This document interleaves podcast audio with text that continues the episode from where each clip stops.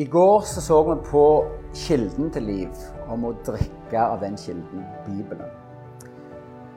I dag så skal vi se på hindringer for liv. Da kan vi gjerne stille et sånn underspørsmål. Kan måten du og jeg lever på, stenge for det nye livet som Gud ønsker å leve i oss og gjennom oss? Eh, og Når det gjelder det med hindringer for liv, så er jo det noe vi kjenner til fra veldig mange andre områder på livet. Vi kan tenke oss i ekteskapet eller i et vennskap. Eh, der kan manglende kommunikasjon være en hinder for liv og fellesskap. Eh, en kan tenke på noe så fysisk som blodåret. Hvis det over tid bygger seg opp forkalkinger eller lag, sånn at blodårene er i ferd med å bli tette, så vil dette gradvis hindre livet eller blodet til å strømme ut til hele kroppen. Eh, og jeg kan bruke meg sjøl som et lite eksempel. Når jeg var nyfødt, så holdt jeg på å dø. For jeg ble lettere og lettere. Legen sa til mor at det er helt naturlig, men, men det vil snu. Eh, men eh, mor så bare at jeg tørka inn og ble lettere, og hun stolte ikke på det legen sa, så hun gikk til en annen lege. Og da havna jeg direkte at fløyen til Oslo, inn på eh, Ullevål Rikshospital, eh, og ble hasteoperert. Eh, for det som viser seg, Hvis dere hadde studert magen min, hadde dere sett at jeg, het, jeg er skåren opp. Jeg har et sånn arr over hele magen. For jeg hadde tette tarmer. Så jeg kunne ikke ta til meg All den morsmelka den kom bare opp igjen. Jeg klarte ikke ta til meg næring.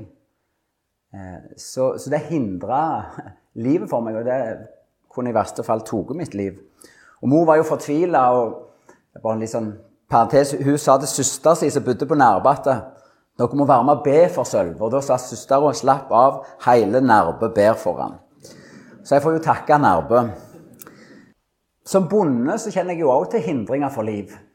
Mangel på nedbør, regn, det hindrer det livet som jeg vil skal vokse opp på skjelvene. Og til og med godt med reggen kan bli til en hindring for liv hvis ikke grøftene er i orden. Hvis jorda blir vassjuk, så kan sjøl til og med det regnet som gir liv, være med å ta liv. For det må jo være et avløp. Det er som det må være I et liv, sunt liv må det være sirkulasjon. Eh, jorda kan få kjøreskade og kan bli så pakka, så hard at du både avviser vannet og hindrer livet til å vokse opp.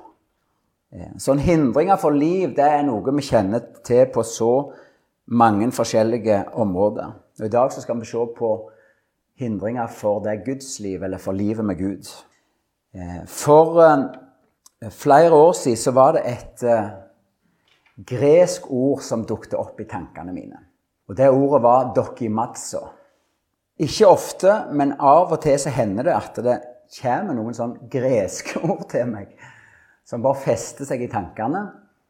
Og jeg vet ikke alltid hva de betyr, men dette ordet slo jeg opp i ei sånn eh, norsk-gresk eh, eh, og fant ut at det betyr test, prøv, eksaminer bedøm. Så dette ordet dokimatsu det betyr at vi skal teste, prøve, undersøke, bedømme.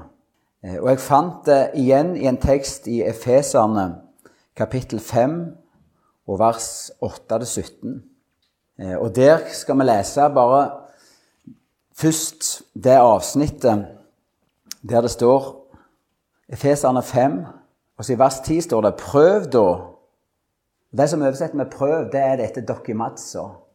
Prøv, altså test, bedøm, undersøk, eksaminer hva som er til glede for Herren.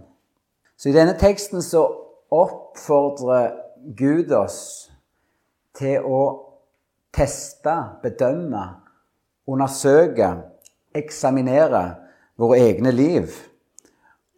Og vi lever sånn at livet vårt er det glede for Herren. Nå skal vi sammen lese dette avsnittet fra Efeserne 5, vers 8-17. En gang var det sjølve mørker, men nå i Herren er det lys. Så lev som born av lyset. For frukten av lyset viser seg i alt som er godt, i rettferd og i sanning. Prøv da hva som er til glede for Herren. Ta ikke del i de gjerningene som hører mørket til, for de bær inga frukt. Avslør de heller. Det som slike folk driver med i løgn, er de skam bare å nevne. Men alt som kommer for dagen, når, men alt kommer for dagen når lyset får avsløre det. Og alt som kommer for dagen, er lys. Derfor heiter det, Vakna, du som søv. Stå opp fra de døde, og Kristus skal lyse for deg. Pass derfor nøye på hvordan det lever, ikke som ukloke, men som kloke mennesker, så det nytter den dyrebare tida godt, for dagene er vonde. Vær ikke uforstandige, men forstå hva som er Herrens vilje. Nå skal vi gå inn i en test. Det blir en slags Kvitsund-eksamen. Eh, der vi skal bedømme våre egne liv i lys av Guds ord. Hva er det Gud Hva er det Jesus ønsker av oss? Jo, Vi kan finne et svar på det i Lukas kapittel 10 og vers 27. Der står det du skal elske Herren din Gud av hele ditt hjerte og av hele din sjel og av all din kraft og av all din forstand, og det neste som deg sjøl. Jesus ønsker ditt og mitt hjerte. For det er et prinsipp i Bibelen at livet går ut ifra hjertet. Bevar ditt hjerte framfor alt du bevarer, for livet går ut ifra det, sier Bibelen. Og Jesus ønsker at vi skal elske Han med vårt liv, med vårt hjerte, med vår kraft, med vår tanke. Så han vil ha din og min, din og min kjærlighet, vårt gjensvar. Og på korset så kjøpte han oss fri med sitt blod. Han ga oss tilgivelsen. Vi fikk lov å komme inn i Kristus, i Hans nåde. Og så har han gitt oss Si hellige ånd, Kristus i oss. Og dette livet i kjærlighet som han kaller oss til å leve, der vi elsker Gud, det er et liv som han ønsker å leve gjennom oss. Hva er så Guds vilje for oss? Jo, vi finner jo svar i Bibelen. Og selv om det ikke blir snakket så mye om dette, så er de ti bud det er et uttrykk for Guds vilje for et menneskeliv. Hvordan han vil vi skal leve og velge, prioritere. Det er en konsentrert oppsummering av Guds vilje for et liv, et menneskeliv. Og for oss som har fått del i Jesus og nåden i Han, så er det ikke sånn at disse budene er sånn ytre bud som skal tynge oss ned. Men og vi skal se på dette senere, det er jo en indre kamp i oss i møte det nye og det gamle mennesket. Men ideelt sett, som nyfødte mennesker, nyskapte, så er det sånn at budet er ikke lenger noe ytre. Du skal, du skal ikke. Men det er 'jeg vil', 'jeg vil ikke'. At vårt indre menneske, vi ønsker å leve etter Guds vilje. Vi ønsker å følge hans bud. For han har gitt oss et nytt hjerte ved å gi oss sin hellige ånd. Og da kan vi si at kjærlighetens oppfyllelse av de ti bud, altså den frivillige, der vi gir Gud vårt liv og vårt svar tilbake, det er, til glede og behag for Jesus. At han får virke og leve sånn i oss at vi gir oss sjøl tilbake og vil følge hans vilje, vil leve etter hans bud. Og Da kan vi jo se på hva, hva er de ti bud? Jo, du skal ikke ha andre guder enn meg. Hva er det du tilber med livet ditt? Hva er førsteplassen? Hvem er Gud i ditt liv? Du skal ikke misbruke Herren din Guds navn. Hvordan bruker du munnen din? Hvordan snakker du? Efeserbrevet sier mye om at vi ikke skal bruke rå ord, tåpelig tale. Hvordan omtaler du Gud? Du skal holde hviledagen hellig. Vet du hva vi gleder Jesus med å la søndagen, hviledagen, den sjuende dagen, være en annerledes dag? Og Det kan være så konkret for deg og din familiesituasjon. Om ikke du har anledning, eller det er en gudstjeneste eller et møte å gå på der du er, så kan du glede Herren med å ha en liten, liten hjemmekirke. Til å samle ungene, hvis du har det, og familien. Helt enkelt til å dele Guds ord. Til å synge i lag, be i lag. Ingenting i veien for at ikke du kan bryte brød og feire nattverd i lag i din heim. Til å holde hviledagen hellig. La det være en dag som står ut for de andre. Du skal hedre far din og mor di. Tenk så flott. Tenk for en omsorg Gud har for de som bar oss fram til livet. Det er et bud med løfte, så skal du få leve lenge i det landet som Gud har gitt deg. Hvordan du behandler din mor og din far. At du behandler dem med respekt. Selv om de ikke har vært fullkomne og kanskje gjort mange feil, men at du hedrer dem. Det har Jesus glede i. Du skal ikke stjele. Ja, noe så konkret at ikke vi tar noe som ikke er vårt eget. Det har Gud behag i. Jeg har gjerne delt denne før med en del av dere, men nå er vi jo i Telemark, så da kan jeg godt fortelle om mitt Telemark-tjueri. Eh, når jeg var 1920, så gikk jeg på folkeskole i eh, Gvarv i Telemark. Sagavoll. Og da tok vi ved to anledninger toget fra Bø til Kongsberg. Jeg kjøpte billett, men på den tida var det sånn at konduktøren kom og klipte på billetten. Men konduktøren kom aldri. Og da tenkte jeg nok ja, ja, tåpelig NSB. Så jeg gikk og løste billetten inn igjen og fikk pengene tilbake. Så dette var to gratisturer. Eller jeg sneik på toget, kan du godt si. Det gikk noen år, ikke så mange. Så fikk jeg spørsmål, og da bodde jeg på Bryne. Så fikk jeg spørsmål om jeg kunne komme til Elim i Sandnes, det er en sånn ungdomsmenighet eller forsamling, og tale om Den hellige ånd. Og det sa jeg ja til, og da begynte jeg å be Jesus nå må du gi meg noe erfaring med Den hellige ånd, så det er ikke bare teori jeg kommer med. Og En dag når jeg går på vei ned Meierigata på Bryne, på vei til togstasjonen, så kommer plutselig bare en helt klar tanke til meg. Sølve, du har sneket på toget. Hvorfor tenker jeg dette nå? Og så kommer det bare et bibelvers seilende inn rett etterpå. Han skal overbevise verden om synd. Han, altså Den hellige ånd.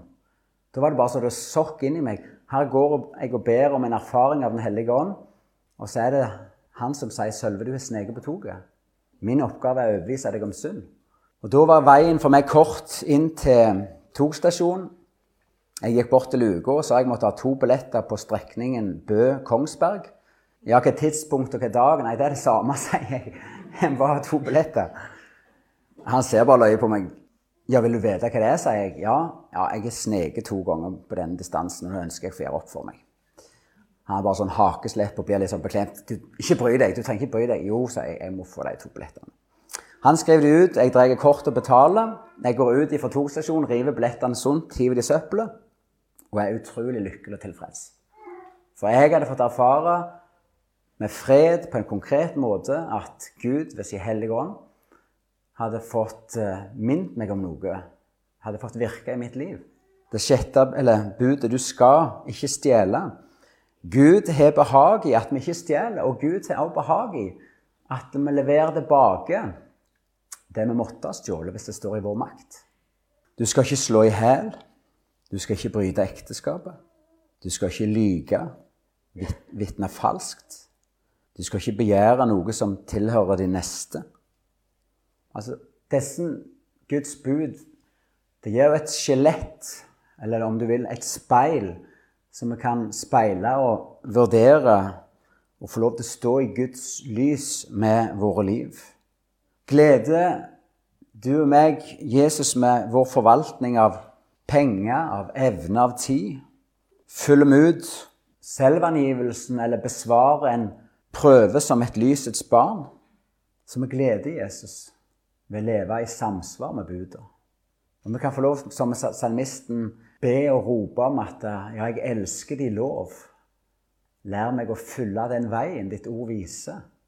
Du kan få lov å be Jesus både til å hjelpe deg til å elske Herrens bud, og til å få gå den veien, veien som budet viser.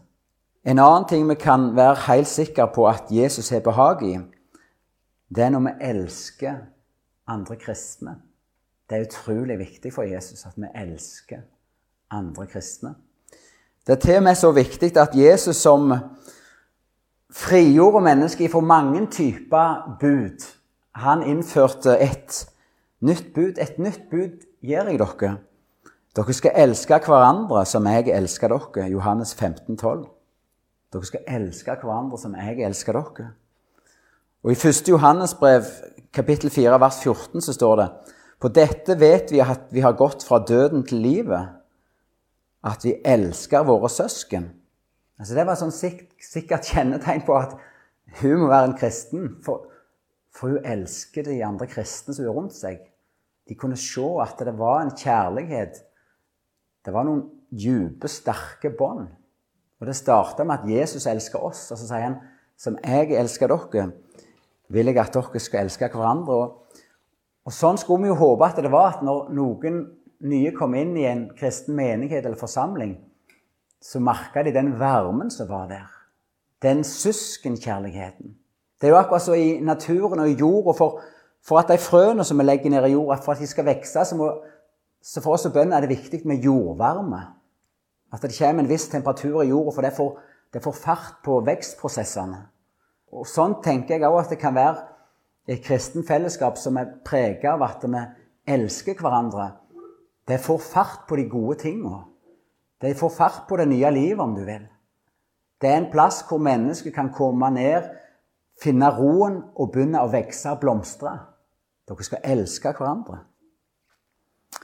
En annen ting vi kan være helt sikre på at vi gleder Jesus med, det er når vi praktiserer tilgivelse. Når vi tilgir hverandre. Som Gud har tilgitt oss, skal vi tilgi andre og hverandre. Og Dette er også utrolig viktig for Jesus. Han tok det til og med med i den bønnen som han lærte oss i Fader vår. Han lærte oss å be om at Gud skulle tilgi oss, sånn som vi også tilgir våre skyldnere. Og i lignelsen om den ubarmhjertige tjener i Matteus 18 så forstår vi at dette er utrolig viktig for Jesus. At vi tilgir hverandre. Og jeg er redd for at uh, mange av oss kristne blir fanga i bitterhet, får harde hjerte, blir uforsonlige fordi vi ikke praktiserer tilgivelse. Og det er av og til jeg tror at vi kristne innbiller oss at hvis striden eller uenigheten gjelder noe teologisk, så kan vi oppføre oss som mesten og tenke hvordan vi vil, og bli så harde som vi bare vil.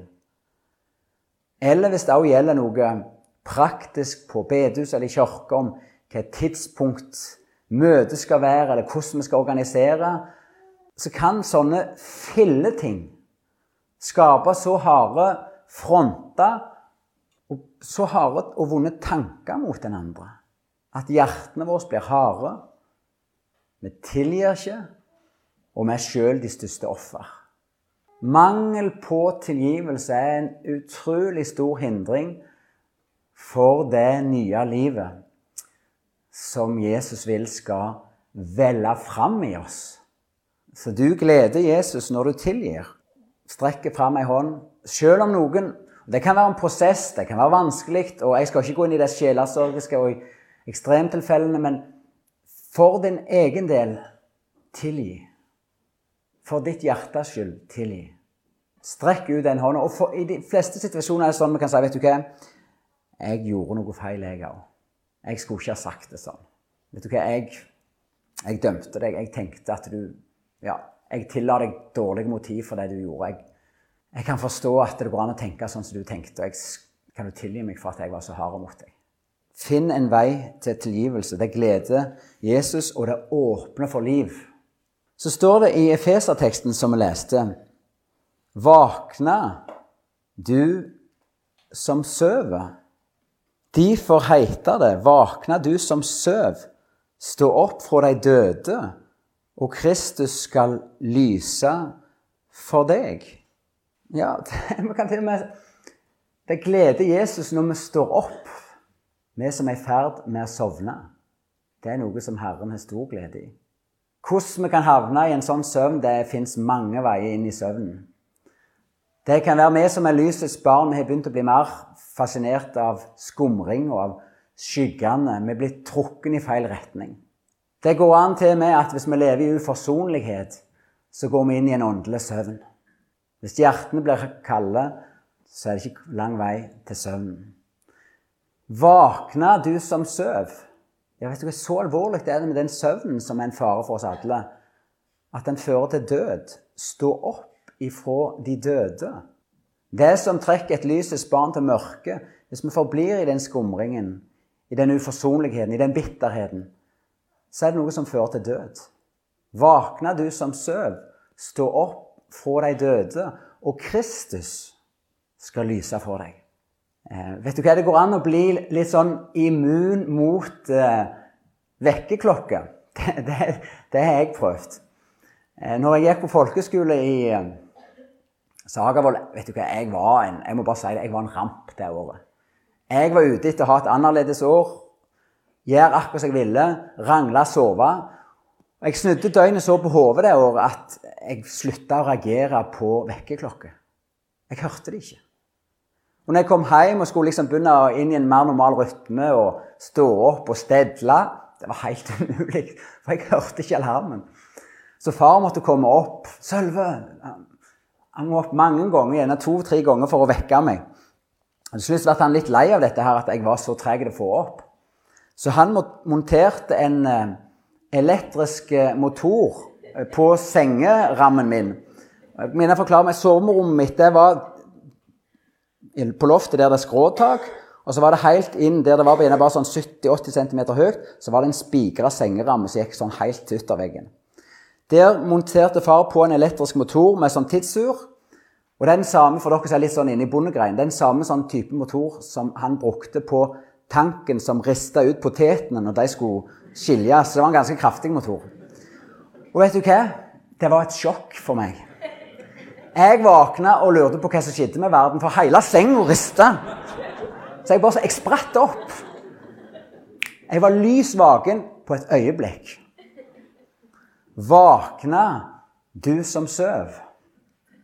Vet du hva, Det kan ha skjedd ting i ditt liv som har gjort at du blitt døv for den milde kall som Den hellige ånd har gjort til omvendelse, til å slippe på bitterheten, til å begynne å praktisere tilgivelse. Da ber jeg om at du i dag får deg en sånn rist som rister deg opp av søvnen, som får deg ut av det som kan bli til død. Og så står du opp, og så skal Kristus lyse for deg. Noen lurer gjerne betyr det da så mye for Gud hvordan jeg lever. Er det ikke sånn at vi alle er syndere tvers igjennom, og sjøl de gode tingene vi gjør, er skitne og ureine? Ja, sånn tenker noen. Og sånn sier noen at ja, men ikke snakk så mye om hvordan vi skal leve og gjøre, for det er uansett ikke noe godt, det vi gjør. Og så er det selvfølgelig noe sant i sånne meninger og holdninger. Men betyr det noe for Gud hvordan du lever, hvordan du velger? Ja, det gjør det. Du kan glede Han med valgene dine og med livet du lever. Han kan ha behag i de små ting de små kjærlighetsgjerningene som du gjør ut av et hjerte for du vil glede Han. Og Det er ikke for løye eller for å holde oss for narr at det står i denne teksten Pass de for nøye på hvordan det lever, ikke som ukloke, men som kloke mennesker, så det nytter tida godt. Altså, pass nøye på. Ikke lev uklokt, sier Gud. Lev klokt. Bruk tida godt. Med andre ord, matsa Test, bedøm, vurder ditt eget liv, dine valg, hvordan du lever. Og Hvis noen trenger flere skriftsbevis for at det jeg nå sier, stemmer, så vitner jo hele Bibelen om dette, men vi skal bare se i nærkonteksten til Efeserne 5. Vi kan se i Efeserne 4, vers 1. Der står det 'Lev et liv som er verdig det kall det har fått'. Der kaller Gud oss 'lev et liv som er verdig det kall du har fått'. Og i Efeserne 4, 17-18 så står det Lev ikke lenger som hedningene, for de kjenner ikke Gud. Og de lever i urenhet. Og i Efeserne 4, 22 Lev ikke lenger som før, men legg av det gamle mennesket. Og Det er også utrolig viktig for meg å få si i dag at selv om vi er herlig frelst og vi kan juble ut i halleluja, så har vi et gammelt menneske i oss som ikke vil verken tilbe eller rope halleluja.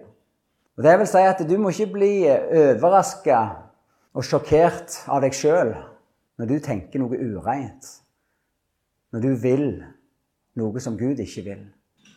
For i enhver kristen så er det ei indre slagmark imellom det nye og det gamle mennesket. Sånn er det. Vi, vi blir aldri så fromme og så modne at uh, det gamle mennesket helt forsvinner. Men ved Ånden så skal vi kunne vinne seier over det gamle mennesket. Ved Ånden, sier Roman 8, så kan vi kunne drepe kjødets gjerninger. Så vi er ikke dømt til at det skal være en stillstand og en evig gjentakelse i akkurat det samme. Nei, Gud ønsker modning. Han ønsker at vi skal legge noe av oss. Han ønsker at vi skal gjøre framskritt i troen. Men, men det gamle mennesket, det må vi kjempe med så lenge vi lever på denne jord. Men lev ikke lenger som før. Gud sier ikke du kommer uansett til å leve som før, men vær klar over at du har et gammelt menneske i deg. Nei, lev ikke lenger som før. Altså, lev annerledes. Velg annerledes. Gjør annerledes. Og en av nøklene legg av det gamle mennesket. Og I Efeserne 5,1 så står det ja, likna Gud det som er hans elskede barn. Ja, så høye mål har Gud for det livet vi skal leve, at han sier 'likne meg'. Ha meg til forbilde. Ja, sånn står det jo i en tekst. Ha Gud til forbilde, dere som er hans elskede barn. Og i Efeserne 5,9, som allerede lest, så lev som lysets barn. Og i Efeserne 5,11, ta ikke del i de gjerningene som hører mørket til. Så ja, det betyr noe for Jesus hvordan vi lever, hvordan vi velger, hva vi gjør. Du kan fjerne hindringer fra det liv som Gud vil leve i og gjennom deg, ved å vende deg bort ifra mørkets gjerninger, heller avsløre dem. Eh, for mange år siden fikk en kamerat et bilde i tankene sine mens han ba for meg, og det delte han med meg. Jeg er gjerne litt sånn i overkant karismatisk nå, men jeg velger å dele det. I dette bildet så, så han en bil inne på verksted. Det er jo et litt merkelig bilde å ha. Eh, og denne var inne til reparasjon, ikke bare en sånn kjapp service der du skifter vindusvisker og spylervæske. Med det bildet så han at hele motoren ble løfta ut, og at de ulike delene ble skrudd ifra hverandre. Det var full overhaling, ikke bare en kjapp service. Og dette må jeg bare ærlig innrømme og si at dette har vært livet mitt med Gud de siste åra, og jeg befinner meg fortsatt på Guds verksted. Gud arbeider med meg, med mitt hjerte, med mine motiv og med mine handlinger. Og han kaller meg til å være med på dette arbeidet. Om du vil denne helliggjørelsen gjennom å dokimatso, ta aktivt del. Til å vurdere, eksaminere, velge, velge vekk. Og legge vekt på det som er til glede for Herren. Eh, når vi begynner å vurdere oss sjøl Det høres jo veldig lite kristent ut at vi skal For meg, Grunnsynet og tanken er jo at vi fester blikket på Jesus, og jeg taler ikke imot det. Men Bibelen har jo et budskap om at vi skal vurdere oss sjøl. Så vi må ha to tanker i hodet samtidig. Vi skal ha blikket festa på Jesus, se på han, se på det han har gjort. Men så trenger vi også å vurdere oss sjøl og våre egne liv. Eh, og når vi vurderer og eksaminerer våre egne liv, så kan vi være helt sikre på at vi vil finne synd. Vi vil finne noe som er imot Guds vilje. Det vil gjelde oss alle. Eh, men det avgjørende er hva vi gjør med det vi finner. Hva du gjør med det. Det står fantastisk løfte i ordspråket 28, kapittel 28, vers 13. Den som skjuler sine synder, går det ikke vel. Men den som bekjenner sine synder og vender seg fra dem, han finner barmhjertighet. Den som skjuler sine synder, går det ikke vel. Altså, Det er en sannhet som står fast. Vi kan jo ikke skjule noe for Gud. Vi kan late som, vi kan prøve. Når motoren er lufta ut og delen ligger der, tror du ikke Gud vet? Den som forsøker å skjule sin synd, han går det ikke godt. Det er helt sikkert. Det går ikke godt. Den som trekkes mot mørket og forblir i mørket, det går ikke godt. Men så fins det et alternativ. Men den som bekjenner sine synder og vender seg ifra dem, han finner barmhjertighet. Så Gud ønsker at det skal være en sånn rytme i ditt ditt, ditt og mitt liv at når vi oppdager synd, så er det ikke 'Å ja, det var det'. Nei, vi bekjenner 'Jesus tilgi'. Jesus, hjelp meg å bryte med dette. Hjelp meg å styre tunga mi. Og så vender vi oss vekk ifra synda. Og så får vi på ny og på ny barmhjertighet. Vi får Guds tilgivelse over vår synd. Vi får freden hans i hjertet. Men så får vi også krafta til å kunne velge annerledes. Til å kunne vinne over den uvanen, om du vil. Ved Hans nåde. La oss be. Kjære Jesus, jeg eh, takker deg for eh, ditt ord. Jeg takker deg for at eh, du elsker oss. Og her i dag så møter du oss med et dokimatso med en oppfordring til å bedømme og eksaminere og undersøke våre egne liv i lys av ditt ord. Og vi lever til glede for deg. Herre Jesus, vi ønsker bare å bekjenne at din vilje er god, og din lov er fullkommen. Og vi ønsker å følge dine bud. Ikke bare som en ytre tvang, men skap du i oss et indre driv og et ønske etter å leve etter din vilje til å leve i samsvar med ditt ord. Og Herre Jesus, hjelp oss til å bekjenne når vi finner synd i vårt eget liv. Og hjelp oss også til å vende oss vekk ifra det. Og hjelp oss til å ta imot og bli styrka av den barmhjertighet og den nåde som du da gir oss. Så ønsker vi å være bitte litt stille nå for ditt ansikt, Herre.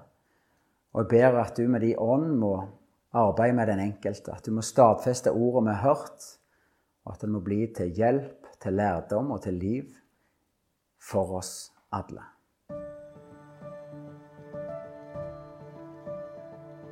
Våkne, du som søv. Stå opp fra de døde, og Kristus skal lyse for deg. Amen.